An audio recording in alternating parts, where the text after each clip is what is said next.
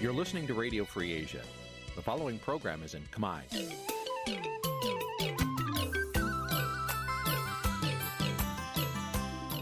នេះជាកម្មវិធីផ្សាយ Vuthu Azizi Serai នេះជាកម្មវិធីផ្សាយរបស់ Vuthu Azizi Serai ជាភាសាខ្មែរ Vuthu Azizi Serai សូមស្វាគមន៍លោកអ្នកនាងទាំងអស់ពីរដ្ឋធានី Washington នៃសហរដ្ឋអាមេរិក បាទប្រធានាធិបតីវ៉ាស៊ីនតោនខ្ញុំបាទទីនសាការីយ៉ាសូមជម្រាបសួរលោកនាងកញ្ញាទាំងអស់ជាទីមេត្រីខ្ញុំបាទសូមជូនកម្មវិធីផ្សាយសម្រាប់ព្រឹកថ្ងៃអង្គារ900ខែអាសត់ឆ្នាំថោះបញ្ញស័កពុទ្ធសករាជ2567ត្រូវថ្ងៃទី7ខែវិច្ឆិកាគ្រិស្តសករាជ2023បាទជាដំបូងនេះសូមអញ្ជើញលោកនាងកញ្ញាស្ដាប់ព័ត៌មានប្រចាំថ្ងៃដែលមានមេត្តាដូចតទៅ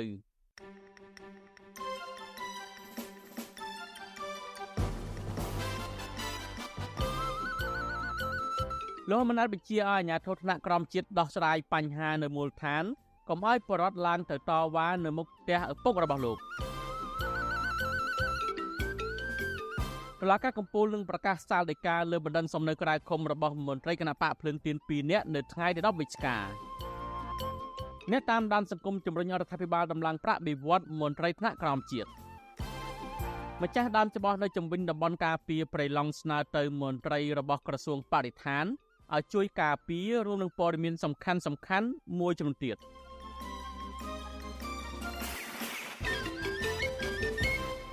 បាទលោកនេះទីមិត្តរីជាបន្តទៅនេះខ្ញុំបាទធីនសាការីយ៉ាសូមជូនព័ត៌មានពិស្ដាតឡការកំពូលនឹងប្រកាសសាលដីកាលើបណ្ដឹងសំណើក្រៅឃុំរបស់មន្ត្រីគណៈបកភ្លឹងទៀន2នាក់នៅថ្ងៃទី10វិច្ឆិកាខាងមុខនេះមេធាវីការពារក្តីនឹងគ្រូសាស្នើដល់តឡាការកំពូលដោះលែងសកម្មជនទាំងអស់ឲ្យនៅក្រៅឃុំបណ្ដោះអាសន្ន ដោយសំអាងថាពួកគេមិនបានប្រព្រឹត្តកំហុសដោយការចាប់ប្រកាន់និងកំពុងមានបញ្ហាសុខភាពនៅក្នុងពន្ធនាគារជាដើមមន្ត្រីសង្គមស៊ីវិលលើកឡើងថាបើសិនជាតឡាការបន្តឃុំខ្លួនលោកចៅវាសនានិងលោកតូចថងរួមទាំងសកម្មជនផ្សេងទៀតនោះនឹងប៉ះពាល់ដល់លំហសេរីភាពនយោបាយនៅកម្ពុជា បាទសំលូនាងស្ដាប់សេចក្តីរាយការណ៍របស់លោកច័ន្ទដារ៉ូអំពីរឿងនេះដូចតទៅតុលាការកំពូល នៅថ្ងៃទី6ខែវិច្ឆិកាបានបើកសវនាការ លើបណ្ដឹងសុំនៅក្រៅឃុំរបស់មន្ត្រីគណៈបកភ្លើងទៀនប្រចាំក្រុងប៉ោយប៉ែតលោកចៅវាសនាពីបទញុះញង់ឲ្យប្រព្រឹត្តបទឧក្រិដ្ឋជាអាត និងញុះញង់ឲ្យមានការរើសអើងពាក់ព័ន្ធនឹងរឿងធ្វើយុទ្ធនាការឲ្យពលរដ្ឋគូខ្វែងសន្លឹកឆ្នោតកាលពីថ្ងៃទី23ខែកក្កដានិងសាវនាការក្នុងសំណុំរឿងមួយទៀតរបស់មន្ត្រីគណៈបកភ្លើងទៀនប្រចាំខេត្តកំពង់ចាមគឺលោកតូចថងពីបទក្លែងបន្លំឯកសារ ក្នុងការបង្កើតគណៈបកបេះដូងជាតិកាលពីឆ្នាំ2021សាវនាការពីដាច់ដライពីគ្នានេះបានជជែកលើអង្គច្បាប់រយៈពេល30នាទីនៅពេលធ្វើសេចក្តីសន្និដ្ឋានចុងក្រោយតំណាងអัยការបានស្នើដំកល់សាលដីការបស់សាលាឧត្តរបាត់ដំបង និងសាលាឧត្តរភ្នំពេញទុកជាបានការដដែលប៉ុន្តែភ្លាមភ្លាមនោះមេធាវីការពារក្តីឲ្យជន់ជាប់ចោតស្នើដល់តុលាការកំពូលបដិសេធសារដីការបស់សាលាឧត្តរនិងស្នើឲ្យដោះលែងកូនក្តីឲ្យនៅក្រៅឃុំបណ្ដោះអាសន្នទន្ទឹមនឹងនេះប្រធានក្រុមប្រឹក្សាជំនុំជម្រះលោកយូប៊ុនលេងបានសម្រេចលើកពេលប្រកាសសារដីកាលើបណ្ដឹងសុំនៅក្រៅឃុំក្នុងសំណុំរឿងទាំងពីរនេះទៅព្រឹកថ្ងៃទី10ខែវិច្ឆិកានៅក្នុងដំណើរការសាវនាការនេះមេធាវីការពីក្តីឲ្យលោកចៅវាសនា គឺលោកសំសុគង្គបានស្នើឲ្យតឡាការកំពូលដោះលែងកូនក្តីរបស់លោកឲ្យមានសេរីភាពវិញដោយលោកសំអាងថាកូនក្តីរបស់លោកគ្មានចេតនាញុះញង់ឲ្យប្រជាពលរដ្ឋគូខ្វែងសន្លឹកឆ្នោតចោលនោះទេម្យ៉ាងទៀតលោកថាការឃុំខ្លួនកូនក្តីរបស់លោក មិនមានភាពចាំបាច់ដោយសារសំណុំរឿងលើអង្គសេចក្តីនៅតុលាការខេត្តបន្ទាយមានជ័យបានបិទបញ្ចប់ការស៊ើបសួរនិងបញ្ជូនទៅជំនុំជម្រះរួចដែរលោកបញ្ជាក់ថាការដោះលែងឲ្យកូនក្តីរបស់លោកបាននៅក្រៅឃុំមិននាំឲ្យរាំងស្ទះដល់ដំណើរការកាត់ក្តីនោះទេ ដោយលោកស្នើសុំដល់តុលាការកំពូលឲ្យដាក់លក្ខខណ្ឌមួយចំនួន លើលោកចៅវាសនា នៅពេលបាននៅក្រៅឃុំ ជាជាងបន្តឃុំខ្លួនកូនក្តីរបស់លោកគ្រាន់តែរងចាំសាវនាការបើយើងមើលអង្គច្បាប់ដូចជាលក្ខខណ្ឌផ្សេងផ្សេងគឺខ្ញុំគិតខ្ញុំខ្ញុំរំពឹងថាតឡាការនៅពិចារណាឲ្យកូនក្តីនឹងបាននៅក្រៅឃុំសៀបដល់អសន្នដោយសារកូនក្តីនឹងក៏មានវ័យចំណាស់ហើយការ ជាប់ឃុំនៅក្នុងពន្ធនាគារក៏ប៉ះពាល់ដល់សុខភាពគាត់ផងដែរហើយយើងឃើញវិជាសនកម្មតទៅនឹងអង្គើក៏មិនមានអីជាប៉ះពាល់ធ្ងន់ធ្ងរដល់សន្តិសុខសង្គមដែរចំណែកមេធាវីការពីក្តីឲ្យលោកតូចថងគឺលោកស៊ុនជំជួនថ្លែងប្រាប់អ្នកសារព័ត៌មានក្រោយចេញពីតុលាការថាផ្អែកតាមអង្គហេតុនិងអង្គច្បាប់នៅក្នុងសាវនាកាជាពិសេសពិនិត្យលើស្ថានភាពសុខភាពជាក់ស្ដែងរបស់លោកតូចថងដែលមានជំងឺភ្នែកធ្ងន់ធ្ងរ គូផ្សំនឹងជំងឺប្រចាំកាយជាច្រើនមុខនិងមានវ័យចំណាស់ទៀតនោះលោកសង្ឃឹមថាតឡាកាពិចារណាឲ្យកូនក្តីរបស់លោកបាននៅក្រៅឃុំ ដើម្បីទទួលបានការពិនិត្យនិងព្យាបាលជំងឺនៅមន្ទីរពេទ្យខាងក្រៅព្រមទាំងទទួលបានការយកចិត្តទុកដាក់ថែទាំឲ្យបានត្រឹមត្រូវពីគ្រួសារសារតែស្ថានភាព សុខភាពផ្នែករបស់គាត់មានបញ្ហាធ្ងន់ធ្ងរហើយខ្ញុំត្រូវការដើម្បីឲ្យគាត់នឹងបានចេញទៅសម្រាប់នៅមន្ទីរពេទ្យនឹងដោយនៅខាងក្រៅហើយត្រូវការឲ្យមានប្រព័ន្ធកូនគាត់ថែទាំដោយផ្ទាល់ហើយគាត់វ័យកាន់តែចាស់ជ្រាហើយគាត់មិនអាចសម្រាប់ព្យាបាលនៅពន្ធនាគារបានទេនេះជាស្ថានភាពធ្ងន់ធ្ងរមួយដែលយើងស្នើសុំឲ្យតុលាការនឹងពិចារណាលើស្ថានភាពរបស់គាត់ចាស់ស្ដែងហើយអនុញ្ញាតឲ្យគាត់បាននៅក្រៅជាមួយគ្នានេះតុលាការបានអនុញ្ញាតឲ្យប្រពន្ធ និងកូនកូនរួមទាំងមន្ត្រីគណៈបកភ្លឹងទៀនប្រមាណ20នាក់បានចូលស្ដាប់ក្នុងសាវនាកាដែរតកតើនឹងសាវនាការលើបណ្ដឹងសុំនៅក្រៅឃុំដែលតឡាការកំពូលនឹងប្រកាសសារដីកានៅចុងសប្តាហ៍នេះដែរក្រុមគ្រួសារក៏សង្ឃឹមថាសេចក្តីសម្រេចរបស់តឡាការកំពូលនឹងមានការប្រែប្រួលប្រកបដោយយុត្តិធម៌ខុសពីសេចក្តីសម្រេចរបស់តឡាការថ្នាក់ក្រោមនាពេលកន្លងមក។ កូនស្រីលោកចៅវាសនា គឺអ្នកស្រីចៅរតនៈអះអាងថាឪពុករបស់អ្នកស្រី មិនបានបង្ហោះសារជាសាធារណៈដល់ពលរដ្ឋក្នុងរឿងគូសសញ្ញកឆ្នោតចោតដោយការចោតប្រកាន់នោះឡើយអ្នកស្រីឲ្យដឹងថា ការបាត់បង់សេរីភាព បានធ្វើឲ្យប៉ះពាល់ដល់សុខភាព របស់ឪពុកអ្នកស្រី និងជីវភាពគ្រួសារជាខ្លាំងដូច្នេះអ្នកស្រីយល់ថាប្រសិនបើតឡាការកម្ពុជា បំពេញការងារដោយឯករាជ្យពីរឿងនយោបាយនោះឪពុករបស់អ្នកស្រីនឹងបាននៅក្រៅឃុំនៅថ្ងៃប្រកាសសាលដីកាខាងមុខនេះ។តាក់ទង ជាមួយនឹងឲ្យគាត់នៅក្រៅឃុំតែយើងមានសំអាងដោយសារគាត់មានសាច់ញាតិមានគ្រួសារមានទីលំនៅច្បាស់លាស់នៅក្នុងសង្កាត់ប៉ោយប៉ែតមិនមានអីជាការភ័យព្រួយបារម្ភឲ្យតឡាការយល់ឃើញថាគាត់នឹងអាចចាក់ចេញពីក្រៅស្រុកហើយមិនបានឡើងតឡាការនៅពេលដែលរាល់តឡាការក៏ហៅទេព្រោះអីខ្ញុំក៏ដូចជាឪពុកខ្ញុំក៏បានបដិញ្ញានៅក្នុងសវនាការដែរថានឹងប្រឈមនឹងការក៏ហៅរបស់តឡាការរាល់អ្វីដែលតឡាការត្រូវការស្រដៀងគ្នានេះដែរប្រពន្ធមន្ត្រីគណៈបកភ្លើងទៀន លោកតូចថងគឺអ្នកស្រីសវណ្ណាថ្លែងថា ការចាប់ខ្លួននិងផ្ដន់ទាទោសឲ្យប្តីអ្នកស្រីជាប់ពន្ធនាគារ2ឆ្នាំ ជារឿងអយុត្តិធម៌អ្នកស្រីស្នើឲ្យតឡាការកម្ពុជាដោះលែងប្តីឲ្យមានសេរីភាព ពីព្រោះប្តីអ្នកស្រីមិនបានក្លែងបន្លំស្នាមមេដៃណាមួយ ក្នុងការចុះបញ្ជីបង្កើតគណៈបកនយោបាយនាពេលកន្លងមកនោះទេម្យ៉ាងទៀតសុខភាពប្តីរបស់អ្នកស្រី កាន់តែទ្រុឌទ្រោម ជាពិសេសជំងឺភ្នែកកំពុងធ្វើទុកក្នុងអំឡុងពេលជាប់ពន្ធនាគារជិត10ខែមកនេះ ទៀមទាគាត់ថាមនុស្សគាត់អត់មានខុសអីទេតែគាត់ឈឺស្នែកយកគាត់ទុកអត់មានបញ្ហាអីទេសូមឲ្យដល់លែងគាត់ទៅទុកគាត់នៅក្នុងហ្នឹងក៏គាត់ឈឺស្នែកហ្នឹងមានធ្វើអីកើតនិយាយទៅចេញមកធ្វើការអត់កើតដដែលហ្នឹងសូមឲ្យគាត់ដល់លែងគាត់ចឹងណាហើយមួយទៀតគាត់ចេះតែស្ទួចនិយាយហើយនិយាយទៀតថាគាត់អត់ខុសវិទ្យុអាស៊ីស្រីមិនអាចតាក់ទងអ្នកនាំពាក្យតឡាការកំពូល អ្នកស្រីម៉ៅធីតាដើម្បីសុំសេចក្តីអត្ថាធិប្បាយបន្ថែមជុំវិញរឿងនេះបានទេ នៅថ្ងៃទី6ខែវិច្ឆិកាដោយទូរស័ព្ទចូលតែពុំមានអ្នកទទួលជុំវិញរឿងនេះនាយកទទួលបន្ទុកកិច្ចការទូតនៃអង្គការសិទ្ធិមនុស្សលីកាដូលោកអំសំអាតមានប្រសាសន៍ថាទោះបីរដ្ឋធម្មនុញ្ញនិងបទដ្ឋានអន្តរជាតិដែលកម្ពុជាទទួលស្គាល់បានធានានៅការអនុវត្តសិទ្ធិសេរីភាពចូលរួមផ្នែកនយោបាយ សម្រាប់ពលរដ្ឋយ៉ាងណាក្តីតែមកដល់ពេលនេះកម្ពុជាមិនទាន់បានគោរពឲ្យបានត្រឹមត្រូវនៅឡើយទេមន្ត្រីសិទ្ធិមនុស្សរូបនេះយល់ថាតឡាការកម្ពុជាគួរអនុញ្ញាតឲ្យសកម្មជនទាំងនោះបាននៅក្រៅឃុំ ដើម្បីឲ្យពួកគេទទួលបានសេរីភាពសេវាសុខភាពមួយដែលត្រឹមត្រូវដើម្បីបង្ហាញទៅសហគមន៍អន្តរជាតិថាកម្ពុជា ពិតជាមានឆន្ទៈចង់បើកលំហប្រជាធិបតេយ្យ និងសេរីភាពរបស់ពលរដ្ឋឡើងវិញ មើលទៅថាវាជារឿងនយោបាយច្រើនជាងការអនុវត្តច្បាប់ដូច្នេះនៅក្នុងករណីនេះយើងជាអង្គការសង្គមស៊ីវិលយើងមើលឃើញថាការនៅក្រៅឃុំរបស់អ្នកទាំងពីរវាក៏ជាភាពចាំបាច់ដែរពីព្រោះបញ្ហាសុខភាពរបស់ពួកគាត់ហើយនិងបញ្ហាផ្សេងទៀតដូចជាសេរីភាពរបស់ពួកគាត់ជាដើមគាត់សន្យាថាចូលរួមនៅគ្រប់នីតិវិធីទាំងអស់ហើយមើលទៅការនៅក្រៅឃុំក៏វាមិនទៅប៉ះពាល់អីសម្រាប់នីតិវិធីរបស់តុលាការដែរគិតត្រឹមដើមខែវិច្ឆិកា មានសកម្មជននយោបាយសកម្មជនសិទ្ធិមនុស្សសហជីពនិងដីធ្លីប្រមាណ40នាក់កំពុងជាប់ឃុំតឡាការបានចោទប្រកាន់ពួកគេដូចដូចគ្នាពីបទរួមគំនិតក្បត់ និងញុះញង់ឲ្យមានភាពវឹកវរធ្ងន់ធ្ងរដល់សន្តិសុខសង្គមជាតិដើម ដែលសហគមន៍ជាតិនិងអន្តរជាតិផ្នែកសិទ្ធិមនុស្សចោទថាជាការឃុំខ្លួនមិនត្រឹមត្រូវ និងតែងតែទទូចឲ្យមានការដោះលែងពួកគេដោយឥតលក្ខខណ្ឌមន្ត្រីសិទ្ធិមនុស្សយល់ថាការធ្វើទុកបុកម្នេញនិងការបន្តឃុំខ្លួនលើអ្នកដែលមាននិន្នាការផ្ទុយនឹងរដ្ឋាភិបាលមិនផ្ដល់ផលចំណេញអ្វីដល់កម្ពុជាឡើយផ្ទុយទៅវិញ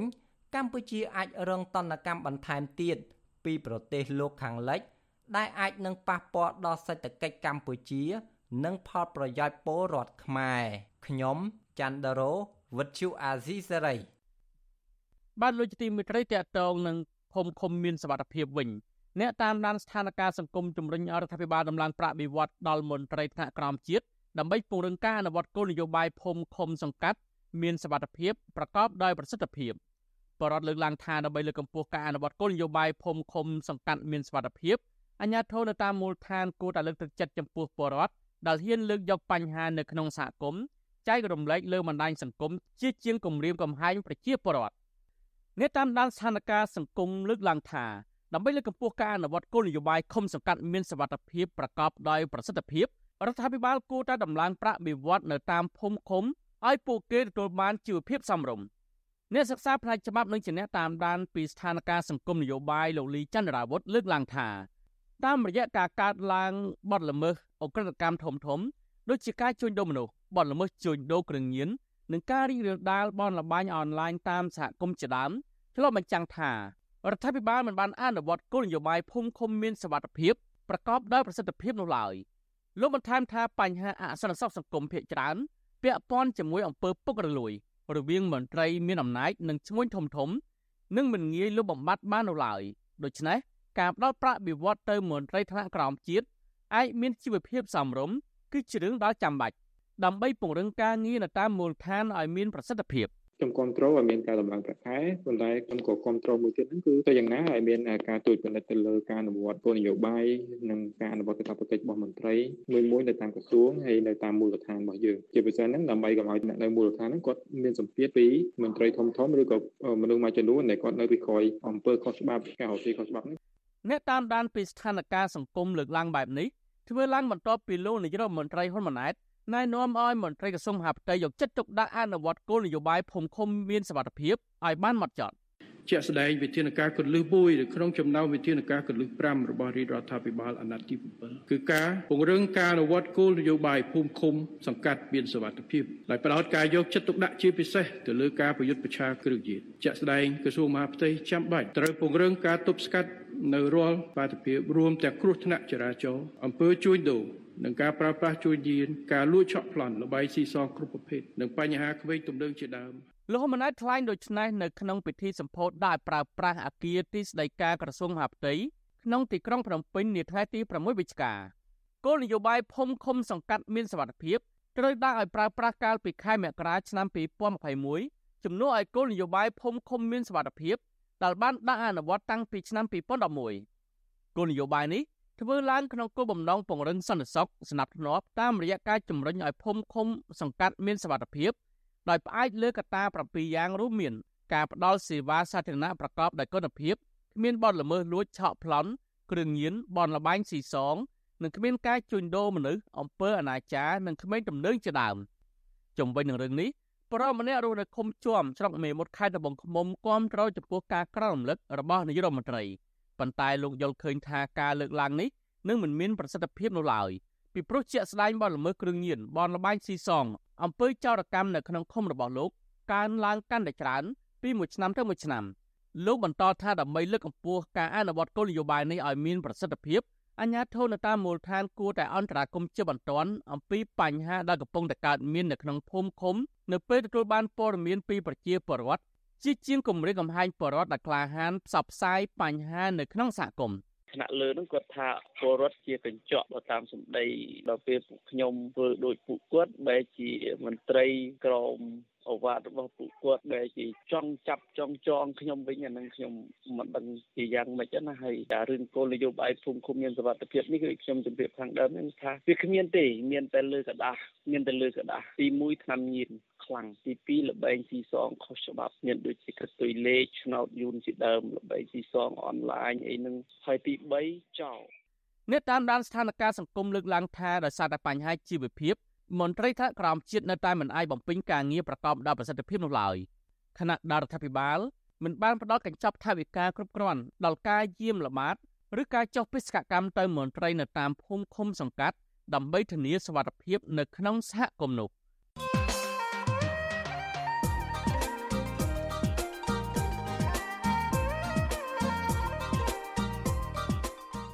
បាទលោកនាយកទីមេត្រីរដ្ឋាភិបាលបានអនុម័តសេចក្តីព្រាងប្រតិក្រិតស្តីពីការបង្កើតគណៈកម្មការជាតិដោះស្រាយវិវាទក្រៅប្រព័ន្ធតុលាការកាលពីពេលថ្មីថ្មីនេះតើការបង្កើតគណៈកម្មការជាតិដោះស្រាយវិវាទក្រៅប្រព័ន្ធតុលាការនេះមានចំណុចវិជ្ជមាននិងអវិជ្ជមានយ៉ាងណាខ្លះ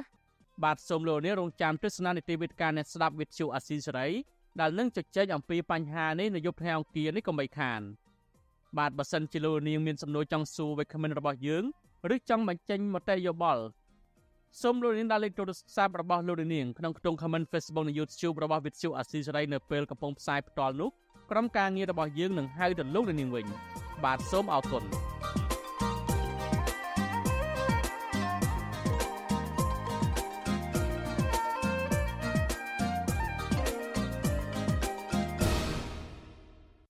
បានលោកនាយកទីមេត្រីតកតងនឹងបញ្ហាដែលកើតមានដោះស្រាយមិនចេញវិញ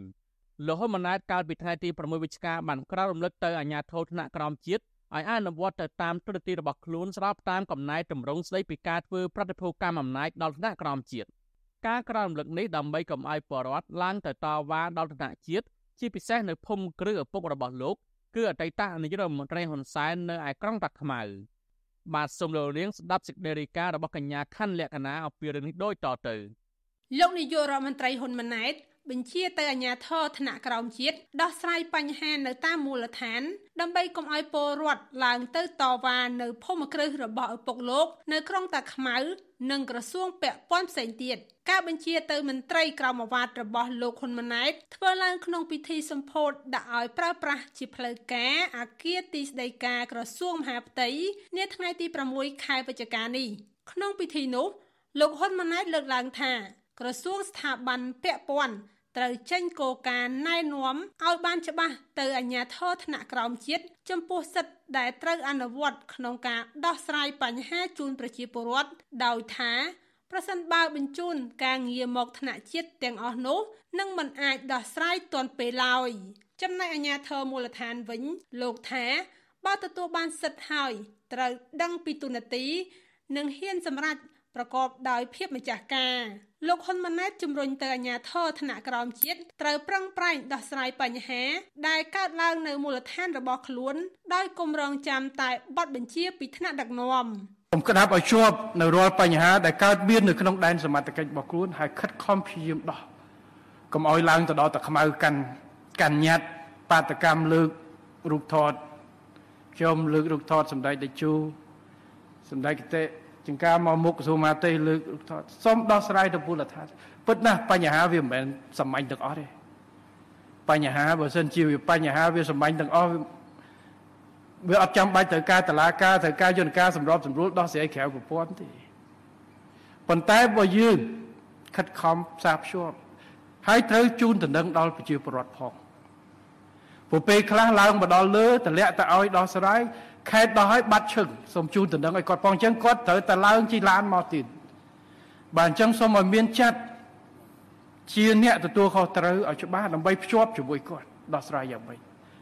តំណាងសហគមន៍ដីធ្លីក្នុងស្រុកស្រែអំបិលខេត្តកោះកុងលោកស្រីផៅញើង ដែលទៅចេញពីពន្ធនាគារដោយសារតែការតវ៉ាដីធ្លីប្រាប់វិសុអស៊ីសេរីថាលោកស្រី មិនមានជំនឿទៅលើការណែនាំរបស់លោកនាយករដ្ឋមន្ត្រីហ៊ុនម៉ាណែតឡើយខ្ញុំជាជាពលរដ្ឋមូលដ្ឋានខ្ញុំដឹងថាទូខ្ញុំក៏ថាមានបញ្ជាអាចារ្យដែរ ប់តែតែដល់ពេលមានគាត់បញ្ជាឲ្យដោះស្រាយបញ្ហានេះទៅជួយថាដែរឲ្យសិទ្ធិគាត់គាត់អ្នកនាំពាក្យសមាគមការពារសិទ្ធិមនុស្សអាត់ហុកលោកសង្សានករណាយល់ថាមូលហេតុដែលអាជ្ញាធរថ្នាក់ក្រោមជាតិមិនអាចដោះស្រាយបញ្ហាបានអាចបណ្ដាលមកពីទំនាស់ផលប្រយោជន៍បើទោះបីជាថ្នាក់ជាតិប្រគល់សិទ្ធិអំណាចរកដំណោះស្រាយជូនប្រជាពលរដ្ឋក៏ដោយមួយវិញទៀតលោកយល់ថាមកពីអ្នកដែលរំលោភបំពានដូចជាដីធ្លីជាដើម មានឥទ្ធិពលជាងអាជ្ញាធរនៅមូលដ្ឋាន ដែលធ្វើឲ្យពួកគាត់ពិបាកក្នុងការសម្រេចនិងរកដំណោះស្រាយជូនប្រជាពលរដ្ឋ គេខ្លះទៅគេខ្លះអ្នកទៀនហ្នឹងមានមានតូចមានទៅគុំអីចឹងទៅជុំសុំគុំគុំជាអ្នកមានងាត់លើពីត្រួយអ្នកអីចឹងទៅគាត់ក៏ហ៊ានកាលពីពេលកន្លងទៅប្រជាពលរដ្ឋរងគ្រោះដីធ្លីទាំងនៅរាជធានីភ្នំពេញនិងតាមបណ្ដាខេត្តនានាតែងតែនាំគ្នាឡើងទៅសុំកិច្ចអន្តរាគមន៍ពីលោកហ៊ុនសែនដោយសារតែអាជ្ញាធរថ្នាក់ក្រោមមិនអាចដោះស្រាយឲ្យពួកគេប៉ុន្តែមកដល់ពេលនេះ អ្នកខ្លះនៅតែមិនទទួលបានដំណោះស្រាយហើយថែមទាំងជាប់បណ្ដឹងនៅតុលាការនិងជាប់គុកច្រវាក់ដោយសារតែការតវ៉ាផងដែរខ្ញុំខណ្ឌលក្ខណាវិសុអាស៊ីសេរី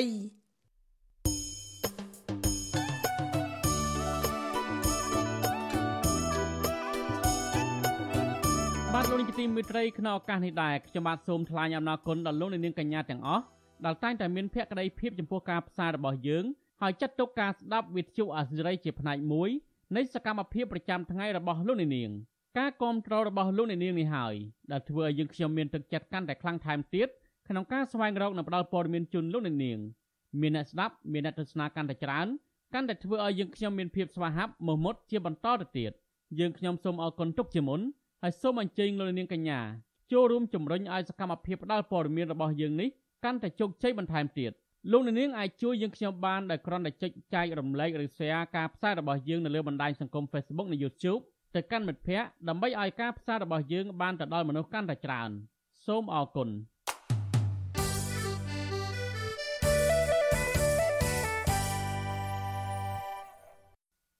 បានលោកនេះទីមួយត្រីតកតងនឹងការប្រកបមុខរបរអាស្រ័យលើដើមច្បោះឬដើមជ័រទឹកវិញ ម្ចាស់ដើមច្បោះឬដើមជ័រទឹកនៅជំវិញតំបន់ការពារព្រៃឡង់ស្នើទៅមន្ត្រីរបស់ក្រសួងបរិស្ថានឲ្យជួយការពារដើមច្បោះរបស់ពួកគាត់ក្នុងពេលនេះពួកគាត់កំពុងតែរវល់ប្រមូលផលស្រូវការលើកឡើងនេះដោយសារតែនាពេលកន្លងទៅដែនតែមានជនល្មើសលួចចូលកាប់ដើមជ័រច្បោះឥតឈប់ឈរ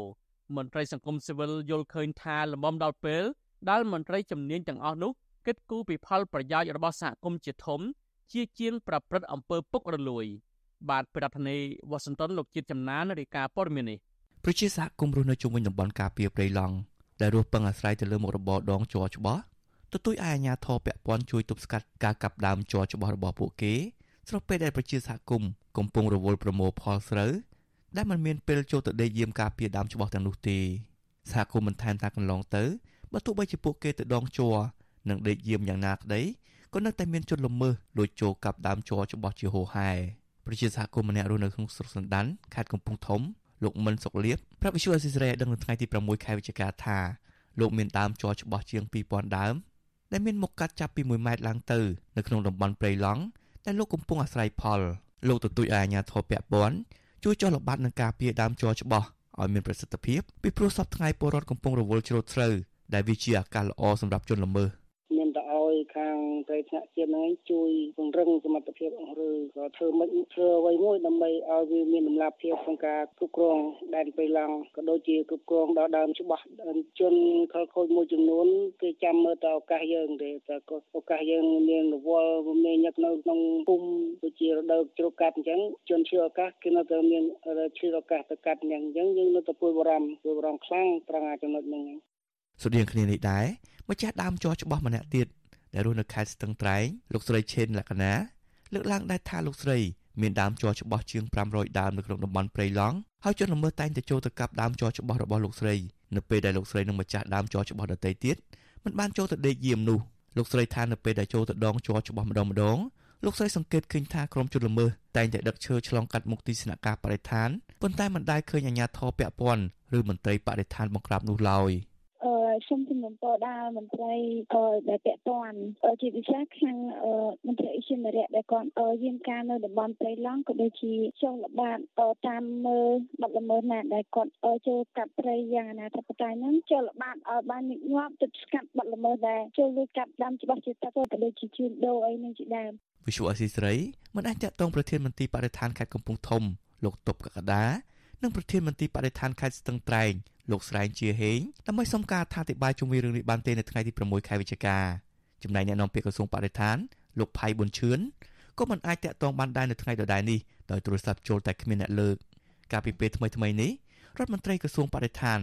លោកអៀងសុផាឡែតបានដាក់ចេញវិធានការចំនួន4ដើម្បីទប់ស្កាត់និងការពារធនធានធម្មជាតិឲ្យបាន100%និងដាំដុះគម្របព្រៃឈើឡើងវិញឲ្យបាន60%នៅឆ្នាំ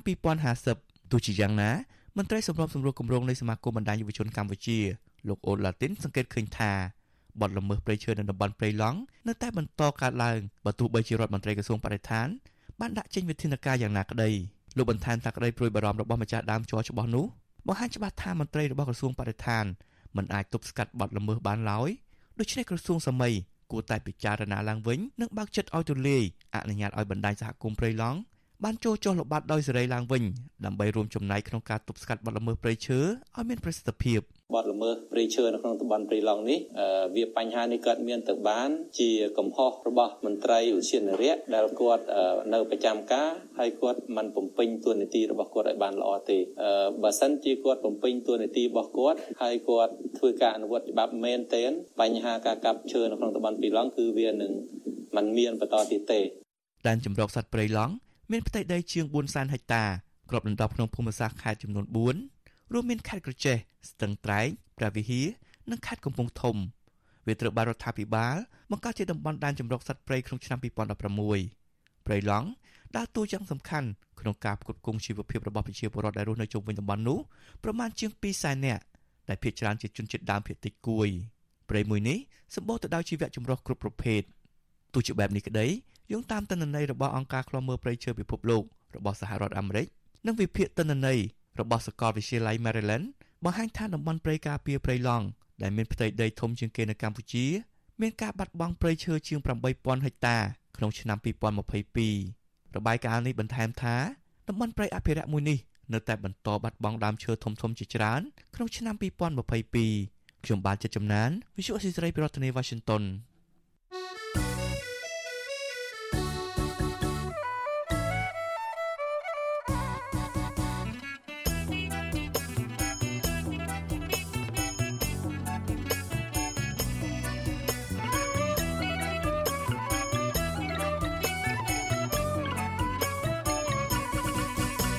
បានលោកយទីមួយត្រីតទៅនឹងជនភៀសខ្លួននៅឯប្រទេសថៃវិញជនភៀសខ្លួននិងពលករខ្មែរមួយចំនួននៅប្រទេសថៃក្រុងធ្វើយុទ្ធនាការទាមទាររដ្ឋាភិបាលកម្ពុជាអន្តរាគមន៍ទៅធនាគារនិងស្ថាប័នមីក្រូហិរញ្ញវត្ថុ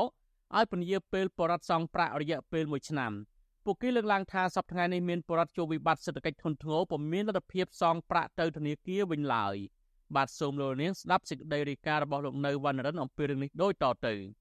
ជនភៀសខ្លួននិងពលករខ្មែរនៅប្រទេសថៃគ្រោងនឹងធ្វើយុទ្ធនាការចាប់ពីថ្ងៃទី7ខែវិច្ឆិកាតទៅដោយថ្ងៃដំបូងពួកគេនឹងប្រមូលផ្ដុំគ្នាប្រមាណ50នាក់សម្ដែងមតិនៅសួនសាធារណៈមួយកន្លែងនៅក្នុងក្រុងបាងកកហើយបង្ហោះសារតាមបណ្ដាញ Facebook មន្ត្រីបកប្រឆាំងដែលកំពុងភៀសខ្លួននៅក្នុងប្រទេសថៃ លោកខមនីកុសលប្រាប់វិទ្យុអាស៊ីសេរីនៅថ្ងៃទី6វិច្ឆិកាថាគោលបំណងនៃការជួបជុំគ្នានេះ គឺដើម្បីធ្វើយុទ្ធនាការទៀមទីឲ្យរដ្ឋាភិបាលអន្តរាគមទៅលើស្ថាប័នមីក្រូហិរញ្ញវត្ថុពន្យាពេលឲ្យប្រជាពលរដ្ឋសងប្រាក់ត្រឡប់ទៅវិញរយៈពេល1ឆ្នាំលោកបញ្ជាក់ថាអ្នកចូលរួមនឹងលើកបង្ហាញពីមតិទុកកង្វល់របស់ខ្លួន នៅក្នុងប្រទេសថៃផង និងក្រុមគ្រួសារនៅក្នុងប្រទេសកម្ពុជាផង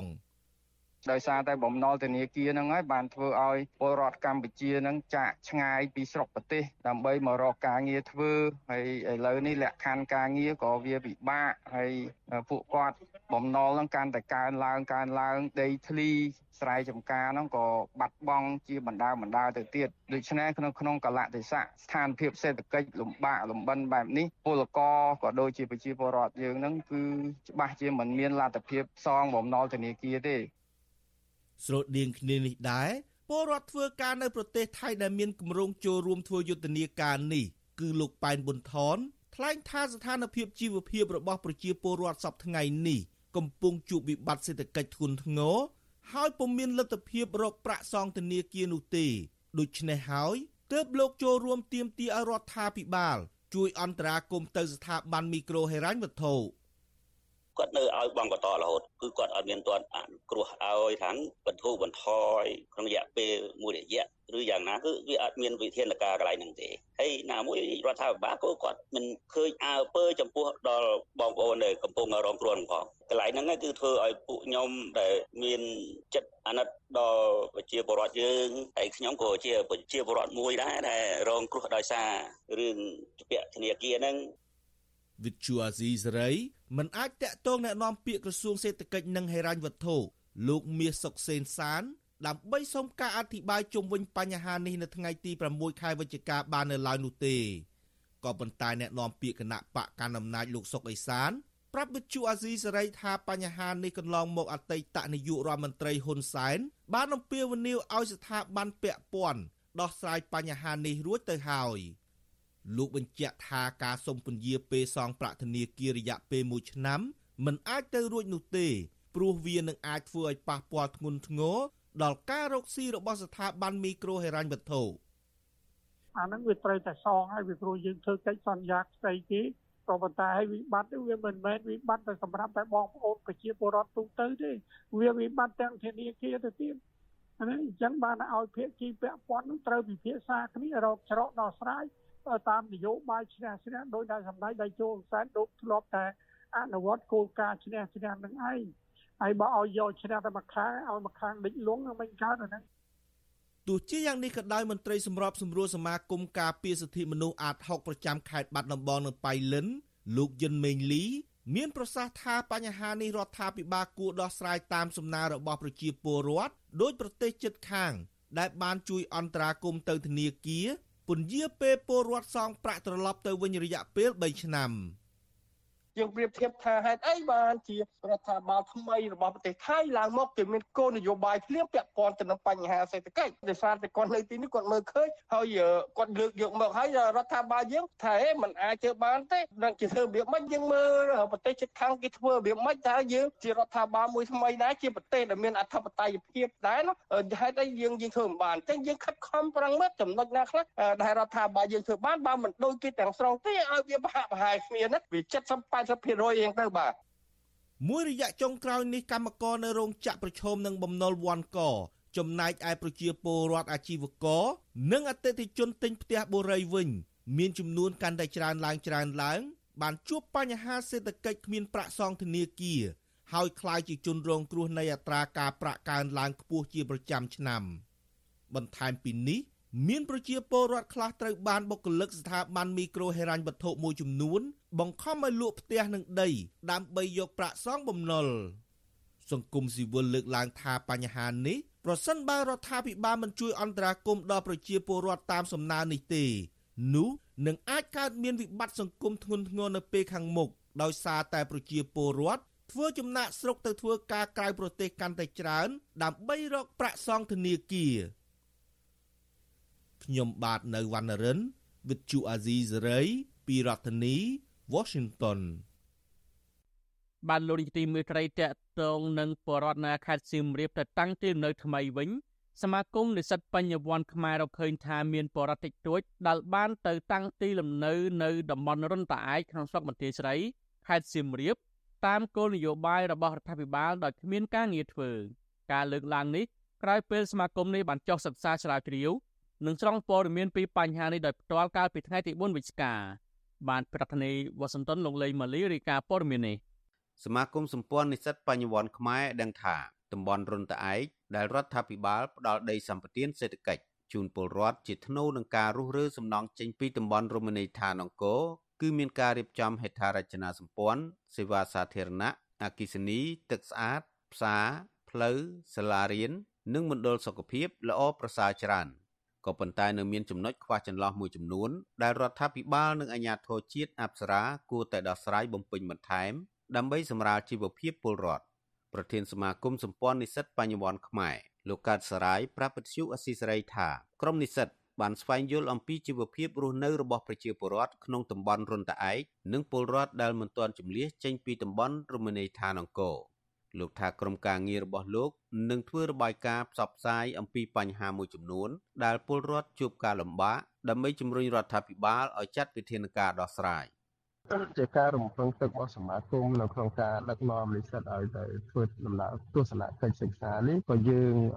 ចង់ជួយពំនាំពាក្យអំពីសេចក្តីទុក្ខលំបាករបស់បងប្អូនប្រជាពលរដ្ឋនៅតំបន់ភូមិរុនតែហ្នឹងគឺឲ្យបានលឺទៅដល់ភាគីពាក់ព័ន្ធជាពិសេសគឺរដ្ឋាភិបាលតែម្ដងដើម្បីឲ្យគាត់នឹងអាចស្វែងរកកិច្ចព្រមព្រៀងបន្ថែមការស្ដារជីវភាពរបស់ពលរដ្ឋក្រោយពីរើលំនៅឋានទៅកាន់ទីថ្មី សមាគមសម្ព័ន្ធនិស្សិតបញ្ញវន្តខ្មែររកឃើញថាការរៀបចំស្ដារជីវភាពរបស់ពលរដ្ឋរស់នៅតំបន់រុនត្អែកនៅពុំទាន់អាចទទួលយកបាននៅឡើយទេដោយសារពលរដ្ឋភ ieck ច្រើនគ្មានការងារធ្វើនិងមានជីវភាពខ្វះខាតលើពីនេះពលរដ្ឋខ្លះសង់ផ្ទះទុកចោលខ្លះដាក់ស្លាកលក់ដី និងពលរដ្ឋមួយចំនួនទៀតជួលបន្ទប់គេរស់នៅក្នុងក្រុងសៀមរាបដើម្បីប្រកបរបរចិញ្ចឹមជីវិតក្រៅពីនេះទីតាំងនោះជាតំបន់ទំនាបងាយនឹងលិចទឹក នៅរដូវវស្សាដីហុយនៅរដូវប្រាំងផ្លូវខ្លះពិបាកធ្វើដំណើរប្រព័ន្ធលូរំដោះទឹកមិនទាន់ដំណើរការល្អពលរដ្ឋខ្លះទៀតមិនទាន់មានប្លង់ដីកម្មសិទ្ធិផ្ទាល់ខ្លួន បន្ថែមពីនេះក៏មានផ្ទះពលរដ្ឋជាច្រើនខ្នងទៀតរងការខូចខាតដោយសារខ្យល់កន្ត្រាក់និស្សិតដែលចុះស្រាវជ្រាវបញ្ហានេះកញ្ញាថោងចន្ទថៃសង្កេតឃើញថាពលរដ្ឋរស់នៅតំបន់រុនតាឯកភ ieck ច្រើនពិបាករកចំណូលផ្គត់ផ្គង់ជីវភាពគ្មានការងារធ្វើ ហើយពួកគាត់ត្រូវបង្ខំចិត្តរស់នៅក្នុងក្រុងសៀមរាបដើម្បីរកប្រាក់ចំណូលកញ្ញាបារម្ភថាសិស្សានុសិស្សប៉ះពាល់ធ្ងន់ធ្ងរជាងគេដោយសារពួកគាត់ពិបាកនឹងសម្របខ្លួនសិក្សានៅទីជនបទភាគច្រើនគឺពាក់ព័ន្ធការងារចំណូលរត់បាននៅនោះហើយខ្លះទៀតដោយសារតែគាត់មានរបរនៅនៅក្រុងនេះហើយអញ្ចឹងគាត់អត់ចង់ធ្វើដំណើរឆ្ងាយវាឆ្ងាយប្រហែលទៅជា40គីឡូដែរមិនដឹងឆ្ងាយដែរអញ្ចឹងគាត់ទៅចិត្តជួលបន្ទប់ជួលនៅឯក្រុងទុកផ្ទះចោលនៅនោះឆ្លើយតបរឿងនេះ អ្នកនាំពាក្យអាជ្ញាធរជាតិអប្សរាលោកឡុងកុសល មានប្រសាសន៍ថាបច្ចុប្បន្នពលរដ្ឋរស់នៅតំបន់រុនតាឯកអាចនឹងលំបាកបន្តិចក៏ប៉ុន្តែអ្វីដែលសំខាន់នៅថ្ងៃអនាគតពលរដ្ឋនឹងទទួលផលច្រើន ពីវិស័យទេសចរនិងគម្រោងអភិវឌ្ឍទីក្រុងថ្មីរបស់រដ្ឋាភិបាលលោកបន្ថែមថាអាជ្ញាធរកំពុងរៀបចំកិច្ចការងារជំរុញជីវភាពរស់នៅរបស់ពលរដ្ឋឲ្យល្អប្រសើរហើយមកទល់ពេលនេះ មានពលរដ្ឋជាង4000គ្រួសារហើយដែលស្ម័គ្រចិត្តចាកចេញពីតំបន់អង្គរទៅរស់នៅតំបន់រុនត្អែកសកម្មភាពកិច្ចការងារជាច្រើនផ្សេងទៀតយើងកំពុងតែរៀបចំនៅកិច្ចការងារទៅធ្វើយ៉ាងម៉េចជួយជំរុញនៅជីវភាពរស់នៅរបស់គាត់ឲ្យកាន់តែមានភាពល្អប្រសើរទាំងការដឹកជញ្ជូនទាំងការផ្សារភ្ជាប់នៅប្រព័ន្ធហេដ្ឋារចនាសម្ព័ន្ធនានាអញ្ចឹងសុទ្ធតែស្ថិតនៅក្នុងផែនការផែនការនៅក្នុងកិច្ចការងាររៀបចំទៅថ្ងៃអនាគតទាំងស្រុង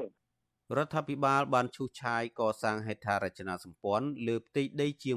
1200ហិកតា ដើម្បីអភិវឌ្ឍតំបន់រុនតាឯកជាដីសម្បត្តិសង្គមគិច្ចសម្រាប់ចែកជូនពលរដ្ឋដែលត្រូវបានជំលៀសចេញពីក្នុងតំបន់រមណីយដ្ឋានអង្គរឲ្យទៅរស់នៅទីនោះអតីតនាយករដ្ឋមន្ត្រីហ៊ុនសែនធ្លាប់សន្យាថារដ្ឋាភិបាលនឹងកែប្រែរុនតាឯកពីជនបទឲ្យទៅជាទីក្រុងមួយទាក់ទាញភ្ញៀវទេសចរ ហើយសាលាស្រុកបន្ទាយស្រីក៏ត្រូវរុះរើទៅតំបន់នោះដែរក៏ប៉ុន្តែរហូតមកដល់ពេលនេះពលរដ្ឋដែលត្រូវបានអាជ្ញាធរជំលះឲ្យទៅរស់នៅតំបន់រុនតាឯករអ៊ូរទាំថាទីនោះពួកគេពិបាករស់នៅដោយសារមិនទាន់មានហេដ្ឋារចនាសម្ព័ន្ធល្អប្រសើរជាពិសេសពួកគេគ្មានការងារធ្វើហើយមួយចំនួនត្រូវបង្ខំចិត្តចាក់ចោលផ្ទះដើម្បីមកជួលផ្ទះស៊ីឈ្នួលគេ នៅក្នុងក្រុងសៀមរាប ឬធ្វើចំណាក់ស្រុកជាដើម ខ្ញុំបាទលេងម៉ាលីវិទ្យុអេស៊ីសេរី Washington បានលុយទីមេត្រីតកតងនឹងរឿងរ៉ាវដែលបរដ្ឋកំពុងតែជាពាក់បំណុលធនាគារហើយរកចំណូលមិនបានវិញបរដ្ឋមួយចំនួនត្អូញត្អែអំពីប្រាក់ចំណូលធ្លាក់ចុះធ្វើឲ្យប៉ះពាល់ដល់ជីវភាពរស់នៅរបស់ពួកគាត់និងប្រឈមនឹងវិបត្តិផ្លូវចិត្តខណៈឯបរដ្ឋមួយចំនួនបែងចែកប្រាក់ចំណូលទៅដល់ក្រុមគ្រួសារនិងបង្ខំឲ្យកូនឈប់រៀនដើម្បីជួយរកប្រាក់ផ្គត់ផ្គង់ជីវភាពគ្រួសារ មន្ត្រីសង្គមស៊ីវិលប្រៀបអារម្មណ៍ថាបញ្ហាគ្មានការងារធ្វើសមរម្យនិងការបាត់បង់ការងារនឹងជំរុញឲ្យពលរដ្ឋប្រឈមនឹងការបាក់ទឹកចិត្តបាទសូមលោកនាងស្ដាប់សេចក្តីរាយការណ៍របស់លោកជាតិចំណានអំពីរឿងនេះបញ្ហាប្រាក់ចំណូលធ្លាក់ចុះនិងការចោទបំណុលធនាគារវ៉ាន់កោកំពុងក្លាយជាបញ្ហាសង្គមនៅកម្ពុជានិងរុញច្រានឲ្យគ្រួសារខ្មែរដែលកំពុងក្រីក្រស្រាប់រស់នៅប្រឈមនឹងហានិភ័យធ្ងន់ធ្ងរប្រសិនបើរដ្ឋាភិបាលគ្មានដំណោះស្រាយលឿនរហ័សនោះទេពលរដ្ឋនៅខេត្តមណ្ឌលគិរីលោកស្រីផ្លឹកភិរម ប្រាប់វិសុអស៊ីស្រីនៅថ្ងៃទី6ខែវិច្ឆិកាថាបច្ចុប្បន្នលោកស្រីពិបាករកប្រាក់ចំណូលផ្គត់ផ្គង់ជីវភាពគ្រួសារដោយសារតែដីស្រែចម្ការរបស់លោកស្រីត្រូវបានក្រុមហ៊ុនឯកជនឈ្មោះ OG San LS Group រំលោភយកធ្វើជាកម្មសិទ្ធិដូច្នេះលោកស្រីត្រូវបង្ខំចិត្តដើរស៊ីឈ្នួលឲ្យគេលោកស្រីបន្តថាកូនកូនទាំង3នាក់របស់លោកស្រីត្រូវបានឈប់រៀនហើយងាកមកជួយរកលុយសងបំណុលធនាគារ ប្រជាពលរដ្ឋដូចពួកខ្ញុំហ្នឹងមានអីមានអីត្រូវធ្វើអត់មានអីធ្វើតែរាល់ថ្ងៃហ្នឹងអត់មានការងារច្បាស់លាស់ការងាររាល់ថ្ងៃហ្នឹងខ្ញុំកញ្ចក់គេធ្វើការមិនទាំងរួចថ្លៃផងដូចជាខ្ញុំកញ្ចក់ដាច់ថ្លៃរាល់ថ្ងៃហ្នឹងធ្វើការបើយើងយើងផាត់ខាត់កសិកម្មបើយើងផាត់ចុះផាត់ឡើងទៅអត់មានសល់លុយមួយរៀលទេនៅពេលដែលយើងធ្វើហ្នឹងអត់មានសល់ទេយើងហ្នឹងធ្វើការឲ្យតែគេហ្នឹងហើយយើងអត់ដឹងថាយើងជាទេសថាជាទេសកលដឹងខ្លួនផងលោកស្រីផ្លឹកភិរមបន្ថែមទៀតថា ក្រៅពីគ្មានប្រាក់ចំណូលគ្រប់គ្រាន់ដើម្បីទ្រទ្រង់ជីវភាពគ្រួសារហើយនោះលោកស្រីនិងប្តីក៏បានលែងលះគ្នាផងដែរដោយសារតែបញ្ហាកត្តាជីវភាពទីមួយបែកបាក់ក្រុមគ្រួសារណាបែកបាក់ក្រុមគ្រួសាររួយកូនហ្នឹងมันអាចទៅរៀនបន្តបន្តបានទៀតទេកូនហ្នឹងបបង់ការសិក្សាដើម្បីឈប់ពីរៀនហ្នឹងរលីជួយបង់ធនាគារគេឲ្យកូនមួយអីពីរទៅទៅរៀនក្រៅពីហ្នឹងគឺអត់រៀនទេអញ្ចឹងជួយបង់ធនាគារទី3ទៀតកូនរបស់យើងហ្នឹងអត់សូវមានម្ហូបអាហារហូបចុកគ្រប់គ្រាន់ទេស្តីងគ្នានេះដែរ ពលរដ្ឋនៅខេត្តព្រះវិហារម្នាក់ទៀតគឺលោកស្រីយឹមផាត់ត្អូញត្អែថាគ្រួសាររបស់លោកស្រីរកព្រឹកខ្វះល្ងាចគ្មានអាហារគ្រប់គ្រាន់នោះទេពីព្រោះគ្មានចំណេះជំនាញអ្វីក្រៅពីធ្វើស្រែចម្ការដើម្បីចិញ្ចឹមជីវិតម្យ៉ាងទៀតពេលដែលប្រមូលផលបានក៏គ្មានទីផ្សារសម្រាប់លក់កសិផលថែមទៀតលោកស្រីបន្តថាដោយសារតែជីវភាពលំបាកនិងមានជំងឺប្រចាំកាយផងនោះលោកស្រីបានប្រកាសលក់ដីនឹងផ្ទះដើម្បីយកប្រាក់ដោះស្រាយជីវភាពនិងសងបំណុលធនាគារគាត់តែផ ទៅឲ្យទៅអស់ចិត្តទៅនោះរត់មកពីពេញមកកូនឈឺរងាងាយយកគ្មានការងារធ្វើទេងក់ទល់មុខអំពីខ្ញុំមក3 4 5នេះអើទៅប្រហែលខែមានការងារណាធ្វើរត់ទៅលុយជីឡានមកវិញបាននោះតែធ្វើកន្លែងណាបើក្រុមហ៊ុននេះវាយកសិទ្ធិពុកបាក់គ្នាគេណាស្រីស្រីគេមានឲ្យធ្វើណាគេយកទៅប្រុសប្រុសជំរះចង្ការស្វាយចង្ការជែកគេមកណាការតូនត្អែរបស់ក្រុមពលរដ្ឋនេះគឺដោយសារតែពួកគាត់គ្មានការងារធ្វើសមរម្យដែលធ្វើឲ្យពួកគាត់ប្រឈមនឹងការធ្វើចំណាក់ស្រុកទៅក្រៅប្រទេសគ្រួសារបែកបាក់គ្នា និងបង្កឲ្យមានអំពើហិង្សាក្នុងគ្រួសារជាដើមក្រៅពីពលរដ្ឋមួយចំនួនគ្មានការងារធ្វើហើយនោះនៅមានពលរដ្ឋខ្លះទៀតធ្លាក់ខ្លួនក្រីក្រនិងផុងខ្លួនក្នុងបំណុលដោយសារតែការរំលោភដីធ្លីពីអ្នកមានលុយមានអំណាចដែលធ្វើឲ្យពួកគាត់បាត់បង់មុខរបរនិងកូនកូនបាត់បង់ការសិក្សាជាងនេះទៅទៀតកម្មករនៅរោងចក្រមួយចំនួនបានបាត់បង់ការងារនិងព្យួរការងារជាបន្តបន្ទាប់ដោយគ្មានអ្នកបញ្ជាទិញទំនិញបញ្ហាទាំងនេះកើតមានឡើងដោយសារតែកម្ពុជាមិនបានគោរពសិទ្ធិមនុស្ស ដែលធ្វើឲ្យសហភាពអឺរ៉ុបដកប្រព័ន្ធអនុគ្រោះពន្ធ EBA 20%និងសហរដ្ឋអាមេរិកមិនបន្តប្រព័ន្ធអនុគ្រោះពន្ធ GSP តើតើនឹងបញ្ហានេះវិសុវអសិរ័យមិនអាចតកតងប្រធានអ្នកនាំពាក្យរដ្ឋាភិបាលលោកប៉ែនប៊ុនណា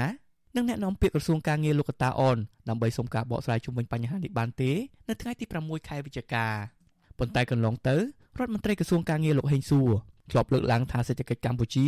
បានកើនឡើង7%ក្នុងរយៈពេល7ទសវត្សរ៍មកនេះ ដែលធ្វើឲ្យអត្រាអ្នកមានការងារធ្វើមានប្រមាណជាង99%ក្នុងចំណោមកម្លាំងពលកម្មសរុបមានជាង10លាន8សែននាក់ទោះជាយ៉ាងណាពលរដ្ឋអះអាងថាការលើកឡើងរបស់រដ្ឋមន្ត្រីក្រសួងការងារមិនបានឆ្លុះបញ្ចាំងពីការពិតរបស់ពលរដ្ឋនិងគ្មានការទទួលខុសត្រូវក្នុងការដោះស្រាយបញ្ហាទុក្ខលំបាករបស់ពួកគាត់ឡើយដោយបណ្តែតបណ្ដោយឲ្យពលរដ្ឋរស់នៅក្នុងស្ថានភាពអត់ឃ្លានជុំវិញបញ្ហានេះអ្នកនាំពាក្យសមាគមការពារសិទ្ធិមនុស្សអាត់ហុកលោកសង្សានករណាមានប្រសាសន៍ថា បញ្ហាពលរដ្ឋបាត់បង់ប្រាក់ចំណូល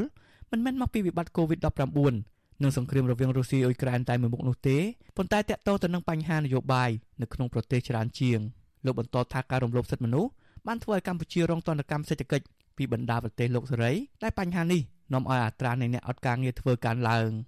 ដែលឡែកកម្ពុជាយើងអត់ទាន់មានវិធានការណាមួយជួយទប់និងស្ដារជីវភាពរបស់ប្រជាពលរដ្ឋខ្លួននៅឡើយទេ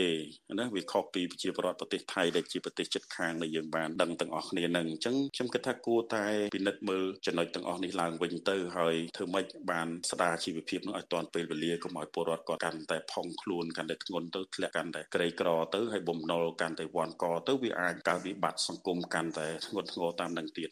បើទោះបីជារដ្ឋាភិបាលថ្មីដែលដឹកនាំដោយលោកហ៊ុនម៉ាណែតបានដាក់ចេញនូវយុទ្ធសាស្ត្របញ្ចកោណដែលផ្ដោតសំខាន់ទៅលើការអភិវឌ្ឍមូលធនមនុស្ស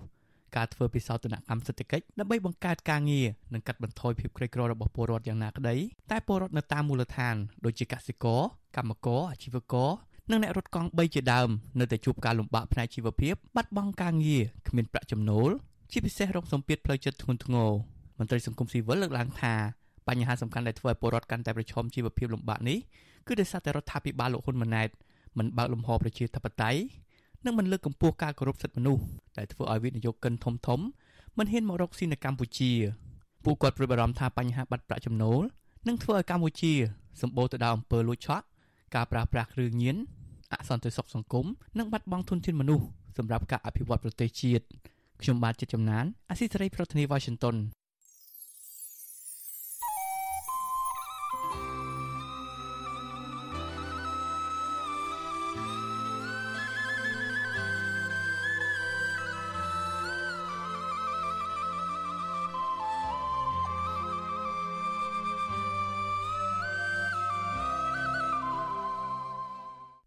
បានលោកនាយទីមេត្រីនៅខេត្តបាត់ដំបងឯណោះវិញកសិករដាំដំណាំដំឡូងជ្វានៅខេត្តបាត់ដំបងស្នើដល់រដ្ឋាភិបាលជួយរកទីផ្សារក្រោយពីឈ្មោះទម្លាក់ថ្លៃដែលធ្វើឲ្យពួកគាត់ប្រឈមនឹងការខាត់បងថ្លៃដើម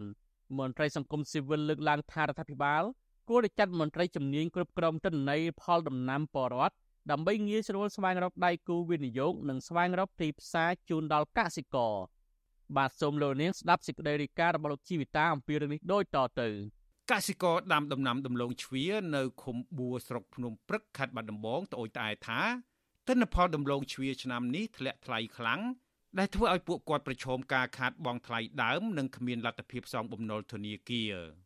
កសិករឲ្យដឹងថានៅរដូវប្រាំងដំឡូងជ្វាអាចមានតម្លៃចន្លោះពី1000រៀលដល់ជិត2000រៀលក្នុង1គីឡូក្រាមក៏ប៉ុន្តែនៅពេលនេះដំឡូងជ្វាមានតម្លៃត្រឹមតែ300រៀលប៉ុណ្ណោះក្នុង1គីឡូក្រាម ហើយឈ្មួញរើសយកតែដំឡូងល្អទៀតកសិករដាំដំឡូងជ្វាលើផ្ទៃដី3ហិកតានៅឃុំបួរគឺលោកហឿងវណ្ណៈប្រាប់វិទ្យុអាស៊ីសេរីនៅថ្ងៃទី6វិច្ឆិកាថាលោកបានចំណាយថ្លៃដើមជាង10លានរៀលសម្រាប់ដាំហើយលោករំពឹងថាក្នុង1ហិកតាលោកនឹងប្រមូលផលដំឡូងជ្វាបានចន្លោះពី10ទៅ12តោនទាំងតូចទាំងធំលោកត្អូញត្អែថា នៅពេលឈ្មួញទិញដំឡូងជ្វា លោកលក់បានត្រឹមតែ300រៀលក្នុង1គីឡូក្រាមហើយឈ្មួញរើសយកតែដំឡូងធំ ធ្វើឲ្យលោកខាតបង់ប្រាក់ដើមនិងកម្លាំងពលកម្មជាពាក់បងជាពាក់ដោយសារយើងលក់អីអត់រួចខ្លួនណាបងដោយសារតែពេលកោះមកហ្នឹងហើយទាំងថ្លៃកោះទៀតវាអស់ច្រើនណាថ្លៃកោះហើយដូចឲ្យគេដល់ពេលទិញថោកហើយគេទិញតែធំធំទេអាតូចតូចនៅចោលពេញចការអញ្ចឹងណាលោកហឿងវណ្ណៈបន្ថែមថា ប្រសិនបើមានរោងចក្រកែច្នៃដែលអាចទិញដំឡូងជ្វាចំនួនច្រើននិងជាប្រចាំនោះកសិករដាំដំណាំនេះនឹងងាយស្រួលស្វែងរកចំណូលលោកស្នើដល់រដ្ឋាភិបាលឲ្យរកដៃគូវិនិយោគបើករោងចក្រកែច្នៃដំឡូងជ្វានៅក្នុងប្រទេសនិងកំណត់ដំឡូងជ្វាឲ្យនៅតម្លៃមួយសមរម្យដើម្បីលើកកម្ពស់សេដ្ឋកិច្ចកសិករ ត្រូវការឲ្យរោងចក្រដែលអាចស្តុបទុកបានបងដែលផលិតចេញពីអាធ្វើដូចជាធ្វើម្សៅធ្វើអីអញ្ចឹងយើងចង់ឲ្យគាត់មានរោងចក្រស្តុបអញ្ចឹងបងកុំឲ្យឈ្មួញជន់យើងបានដល់គ្រប់អញ្ចឹងបងយើងមិនអាចធ្វើឲ្យកើតអញ្ចឹងណាឆ្លើយតបចំពោះសំណើកសិករដាំដំឡូងជ្វានេះអនុប្រធានមន្ទីរកសិកម្មខេត្តបាត់ដំបងលោកអឹមសវណ្ណមុនីប្រាប់វិទ្យុអាស៊ីសេរីនៅថ្ងៃទី6វិច្ឆិកាថា លោកនៅពុំទាន់បានទទួលព័ត៌មានពីគណៈកម្មាធិការស្រុកដែលជាអ្នកគ្រប់គ្រងទិន្នន័យទិន្នផលកសិកម្មនៅឡើយទេ លោកអះអាងថាតម្រូវការដំឡូងជ្វានៅលើទីផ្សារគឺមានចំនួនច្រើន ហើយចំពោះតម្លៃវិញ គឺប្រមាណ1500រៀលក្នុង1គីឡូក្រាមទោះជាយ៉ាងណា អ្នកសម្របសម្រួលផ្នែកឃ្លាំមើលការរំលោភសិទ្ធិមនុស្សនៃអង្គការលីកាដូប្រចាំនៅខេត្តបាត់ដំបងលោកអិនគង់ចិត្តប្រាប់វិទ្យុអាស៊ីសេរីថា អញ្ញាធរធនៈមូលដ្ឋានគួរតែប្រមូលទិន្នន័យទិន្នផលកសិកម្មរបស់ពលរដ្ឋទៅកាន់មន្ទីរកសិកម្មនិងសភាពាណិជ្ជកម្មខេត្តដើម្បីផ្សព្វផ្សាយនិងស្វែងរកទីផ្សារកសិផលសម្រាប់កសិករលោកស្នើដល់រដ្ឋាភិបាលឲ្យទប់ស្កាត់ឬកាត់បន្ថយការនាំចូលផលិតផលកសិកម្មពីប្រទេសជិតខាង និងបង្កើតរោងចក្រកែច្នៃនៅក្នុងប្រទេស។ ស្ថាប័នជំនាញពាក់ព័ន្ធទាំងអស់គួរតែផ្ដល់ការគ្រប់គ្រងលើកទឹកចិត្តដល់កសិករដែលខិតខំផលិតដាំដុះដោយខ្លួនឯងហើយពេលនេះកសិផលរបស់គាត់ក៏មានគុណភាពគាត់អាចតាក់ទាញគាត់អាចប្រកួតប្រជែងនៅក្នុងទីផ្សារបានអញ្ចឹងគួរតែរកជួយរកទីផ្សារលើកទឹកចិត្តឲ្យគាត់មានការផលិតហើយដើម្បីបង្កើនប្រាក់ចំណូលនៅក្នុងជីវភាពគ្រួសាររបស់គាត់ កសិករនិងមន្ត្រីអង្គការសង្គមស៊ីវិលទទូចដល់រដ្ឋាភិបាលឲ្យស្វែងរកអ្នកវិនិយោគមកបើករោងចក្រកែច្នៃផលិតផលកសិកម្មនៅក្នុងស្រុកដើម្បីលើកកម្ពស់សេដ្ឋកិច្ចរបស់កសិករខ្ញុំជីវិតាអាស៊ីសេរី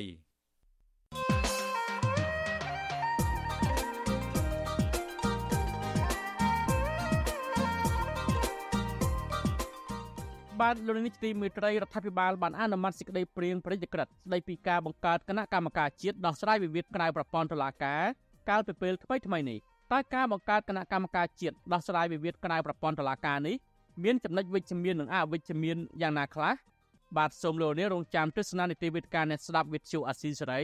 ដែលនឹងជជែកអំពីបញ្ហានេះនៅយប់ថ្ងៃអង្គារនេះកុំបីខានបាទបើសិនជាលោកនាងមានសំណួរចង់សួរវិក្កាមិនរបស់យើងឬចង់បញ្ចេញមតិយោបល់ សូមលោកនាងដាក់លេខទូរស័ព្ទរបស់លោកនាងក្នុងខ្ទង់ comment Facebook និង YouTube របស់ Vithu អាស៊ីសេរីនៅពេលកំពុងផ្សាយផ្ទាល់នោះក្រុមការងាររបស់យើងនឹងហៅទៅលោកនាងវិញ បាទសូមអរគុណ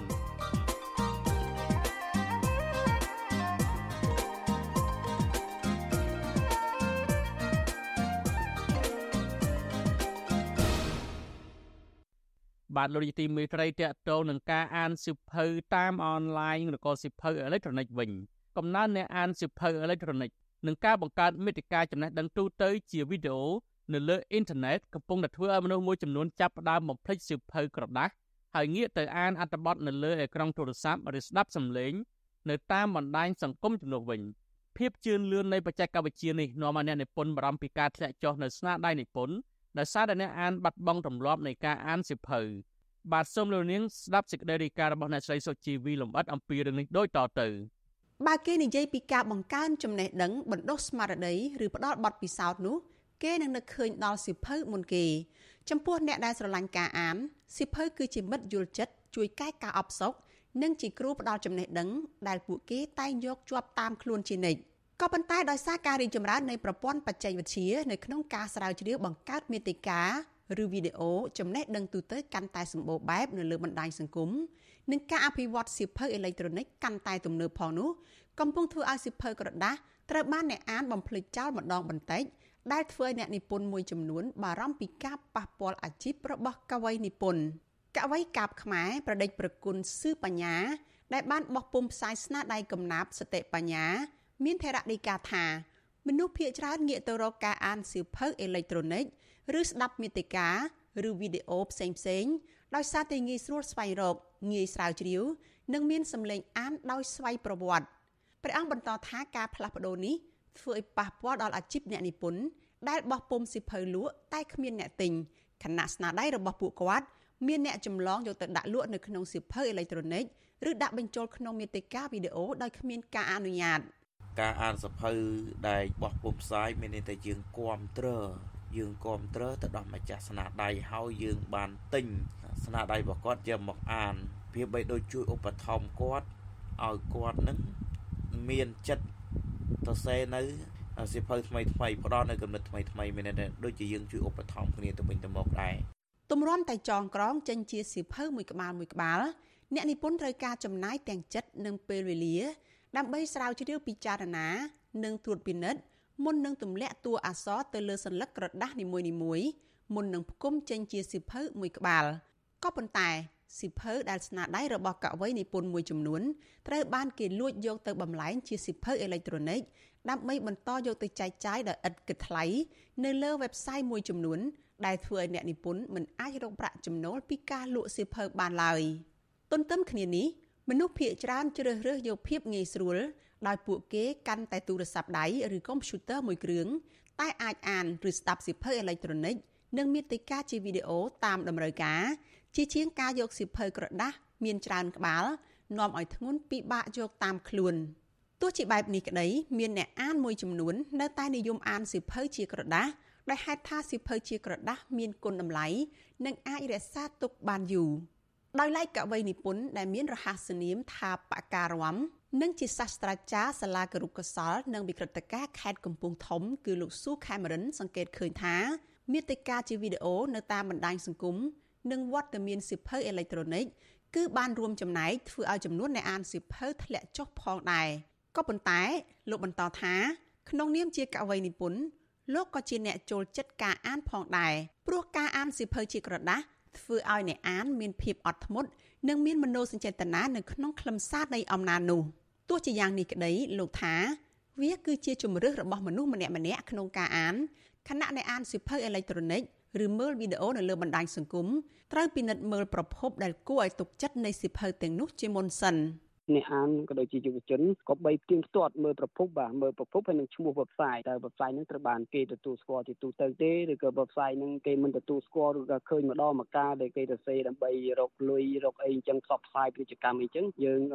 ពុំគួរទុកចិត្តទេបាទអញ្ចឹងគួរតែមើល website ណាដែលវាមានទិន្នន័យជាក់លាក់ហើយឈ្មោះគួរជាទីទុកចិត្តបានសូមយើងយកវាធ្វើជាឯកសារគោលឬក៏យកធ្វើជាសម្រងដើម្បីបញ្ចូលទៅក្នុងស្នាដៃស្រាវជ្រាវរបស់យើងបាទ បច្ចុប្បន្នក្រសួងអប់រំយុវជននិងកីឡាបានធ្វើទំនើបកម្មលើអក្សរកម្ម Digital ដើម្បីឲ្យដើរទាន់បដិវត្តឧស្សាហកម្ម4.0ដែលជាការអភិវឌ្ឍផ្នែកបច្ចេកវិទ្យានិងរបបកំហើញថ្មីថ្មីបែបវិទ្យាសាស្ត្រក្នុងនោះរួមមានការបង្កើតឲ្យមានបណ្ណាល័យតាមប្រព័ន្ធអេឡិចត្រូនិកដែលមានសិភៅសិក្សាគោលគ្រប់កម្រិតប្រកបដោយបច្ចេកទេសទំនើបអាចបើកទំព័រទៅមុខឬថយក្រោយបានដោយសិភៅពិត ចំណែកអ្នកនិពន្ធមួយចំនួនក៏បានកែប្រែស្នាដៃរបស់ខ្លួនឲ្យคล้ายទៅជាសៀវភៅអេឡិចត្រូនិកផងដែរដោយចងក្រងជាសំណុំឯកសារនៅក្នុងទម្រង់ដើមឬ PDF ដាក់លក់នៅក្នុង Telegram ឬ website ជាដើមប្រធានសមាគមអ្នកនិពន្ធខ្មែរលោកព្រឿងប្រណិត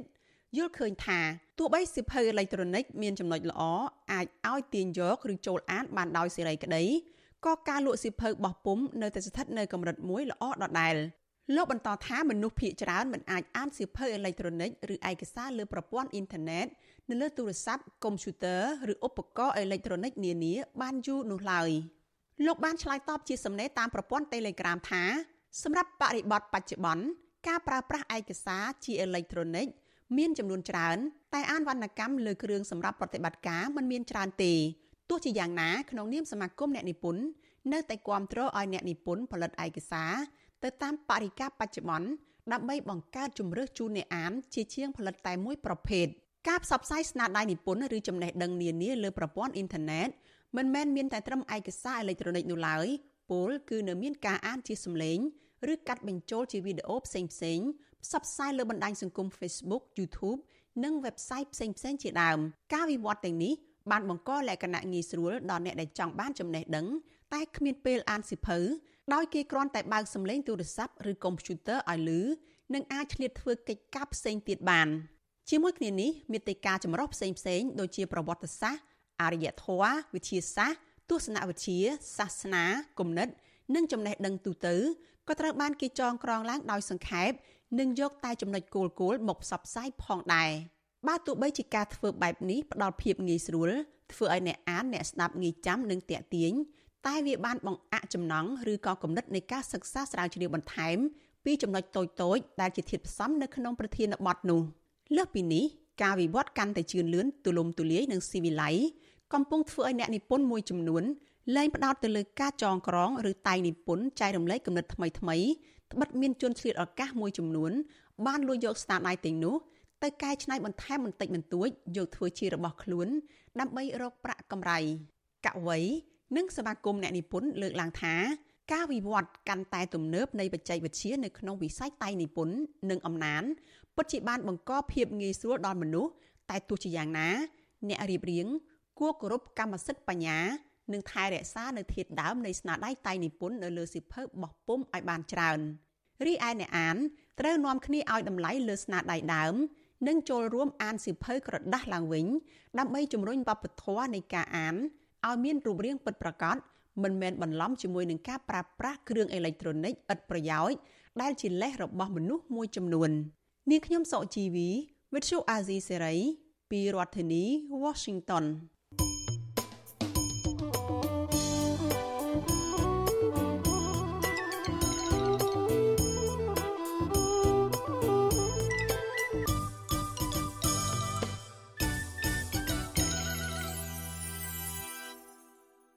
បាទលោកនាងជាទីមេត្រីការផ្សាយរយៈពេល1ម៉ោងនៃវិទ្យុអាស៊ីសេរីជាភាសាខ្មែរនៅពេលនេះចប់តែប៉ុណ្ណេះយើងខ្ញុំសូមជូនពរដល់លោកនាងព្រមទាំងក្រុមគ្រួសារទាំងអស់ឲ្យជួបប្រកបតែនឹងសេចក្តីសុខចម្រើនរុងរឿងកុំបីឃ្លៀងឃ្លាតឡើយ